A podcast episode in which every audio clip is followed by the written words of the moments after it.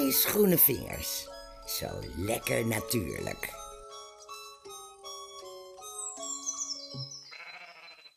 Ja hoor, de Berenklauwbrigade is er weer. Zo noem ik ze. De kudde schapen die zich hier te goed doen op de dijk aan de reuze berenklauw. Want wat voor ons een gevaarlijke plant is, is voor de Berenklauwbrigade een heerlijk hapje. In een mum van tijd maken ze korte metten met de berenklauw. Die kan wel vijf meter hoog worden. Want schapen hebben geen last van de irriterende eigenschappen van de plant. Ze eten alle onderdelen. Ze duwen zelfs de grote stelen om om die te schillen en op te eten. Want de berenklauw bevat allerlei voedingsstoffen voor de schapen. En ze zijn er dol op.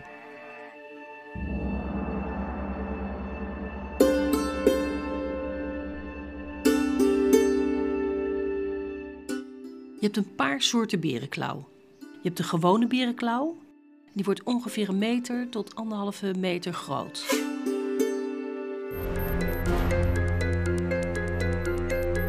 Je hebt de reuzenberenklauw. Dat is die gevaarlijke. Hij lijkt op de gewone berenklauw, maar hij is veel groter. En je kan het verschil zien. De stengels van de reuzenberenklauw hebben rode vlekken. En daarmee onderscheiden ze zich van de gewone berenklauw. Ook hebben de bladeren een andere vorm. Ze zijn dubbel geveerd, ingesneden en hebben gezaagde bladranden. En dan heb je nog de Snosnowski berenklauw. En die variant komt uit het voormalige Oostblok. En die heeft daar de lugubere bijnaam Stalins wraak gekregen. In 1947 besloot Jozef Stalin om de Snosnowski te gebruiken voor kuilvoer. Dat is ingekuild veevoer. En daardoor verspreidde de berenklauw zich als een malle. Tot enkele jaren geleden kwam deze soort überhaupt niet voor in ons land, maar tegenwoordig wordt die variant steeds meer gezien. En die Snosnowski kan wel tussen de 3 en 5 meter hoog worden. En de steel kan een omtrek van 12 centimeter bereiken. Behalve het nog grotere formaat verschilt de Snosnowski-berenklauw nauwelijks van de reuzenberenklauw. Dus pas op, hè. Voor Stalins wraak.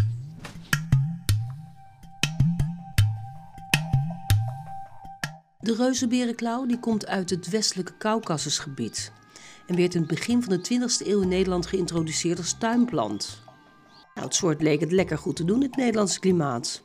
De planten groeien vaak in bermen en vestigen zich vooral op bewerkte of verstoorde voedselrijke bodems. En de boterbloemen bloeien, een zonnebloem en berenklauw, de hemel wit, zelden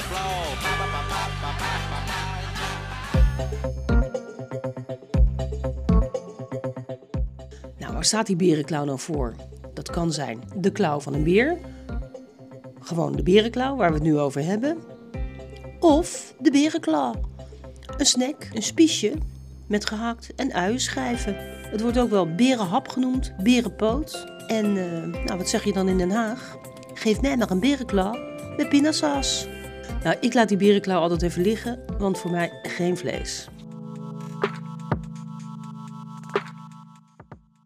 Kwam een mooi gedicht tegen van Bernlef, Oude Berenklauw. Ruig en bruin staat hij af te knappen in mijn tuin. In zijn uitgevallen kruin, huizen slakken traag en zwart. En groot dat hij groeide, net een boom uit een sprookje. Vergiftig en boos, met de rest van de flora geen flikker te maken. Zijn bladeren zijn ineens groene etages, flapperen als zeemen vol gaten om zijn rebarber geleden stam. Tochtig en hol. Oude berenklauw, aan het eind van je Latijn, midden in de zomer door niets gestut dan mijn blik. Mijn groene herinnering.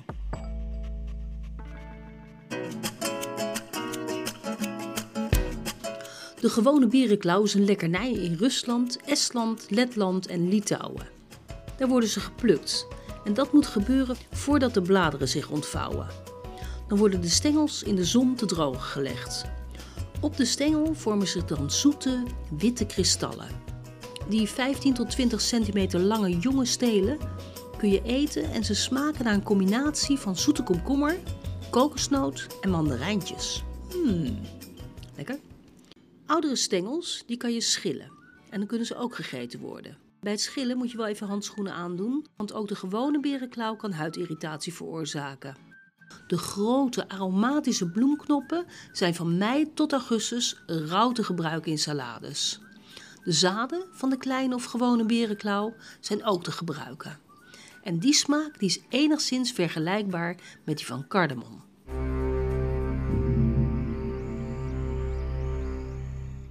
Ik had het over het gevaar van de reuzenberenklauw. Hij is niet alleen maar groot, maar is ook heel gevaarlijk. Want als je de plant aanraakt, dan kan het voor flinke verwondingen zorgen. De huid wordt overgevoelig voor zonlicht en hierdoor kunnen brandwonden optreden. Als je nou een reuzenberenklauw aanraakt, zorg er dan voor dat je dat heel goed afspoelt met veel water en dat je huid uit de zon blijft. Een vriend van mij had een aanvaring met een reuzenberenklauw. Nou, dat was echt niet normaal.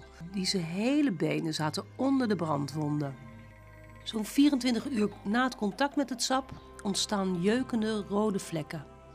En die gaan enkele uren later over in een ontsteking van de huid en dan is er zwelling en blaarvorming. Het kan er echt uitzien als echte brandwonden en het geneest pas na 1 à 2 weken. Als het dan genezen is, dan kan je huid ook nog bruin verkleuren. En nog erger, als het sap in de ogen terechtkomt, dan kan het in sommige gevallen permanente blindheid geven. Wat moet je nou doen als je in contact komt met de berenklauw? Spoel onmiddellijk met overvloedig koud water. Dan ga je niet in de zon zitten gedurende een week en ga even naar je huisarts.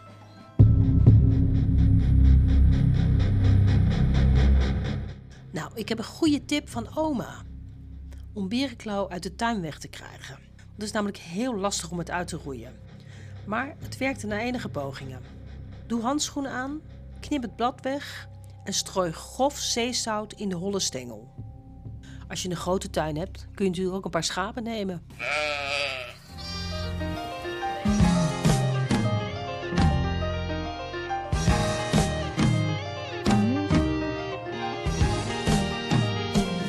Ja, lekker psychedelisch hoor. The Return of the Giant Hawkweed door Genesis, opgenomen in 1977.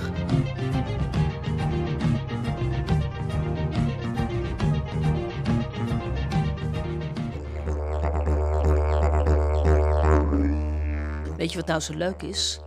Van die berenklauw, als die gedroogd is van de stengel, kan je een didgeridoo maken. Het is best wel even oefenen, maar je kunt door middel van je lippen, je tong, de kracht van het blazen en je stem kun je verschillende toonhoogtes voor elkaar krijgen. Nou, dit is een leuk hoor. Dagelijks een half uur op je berenklauw didgeridoo spelen is een effectieve methode om snurken tegen te gaan. Daar zijn de Zwitserse onderzoekers achter gekomen. En ze hebben het getest bij een groepje snurkende mannen met apneu. Dat is een fenomeen dat de luchtpijp tijdens het slapen steeds geblokkeerd wordt.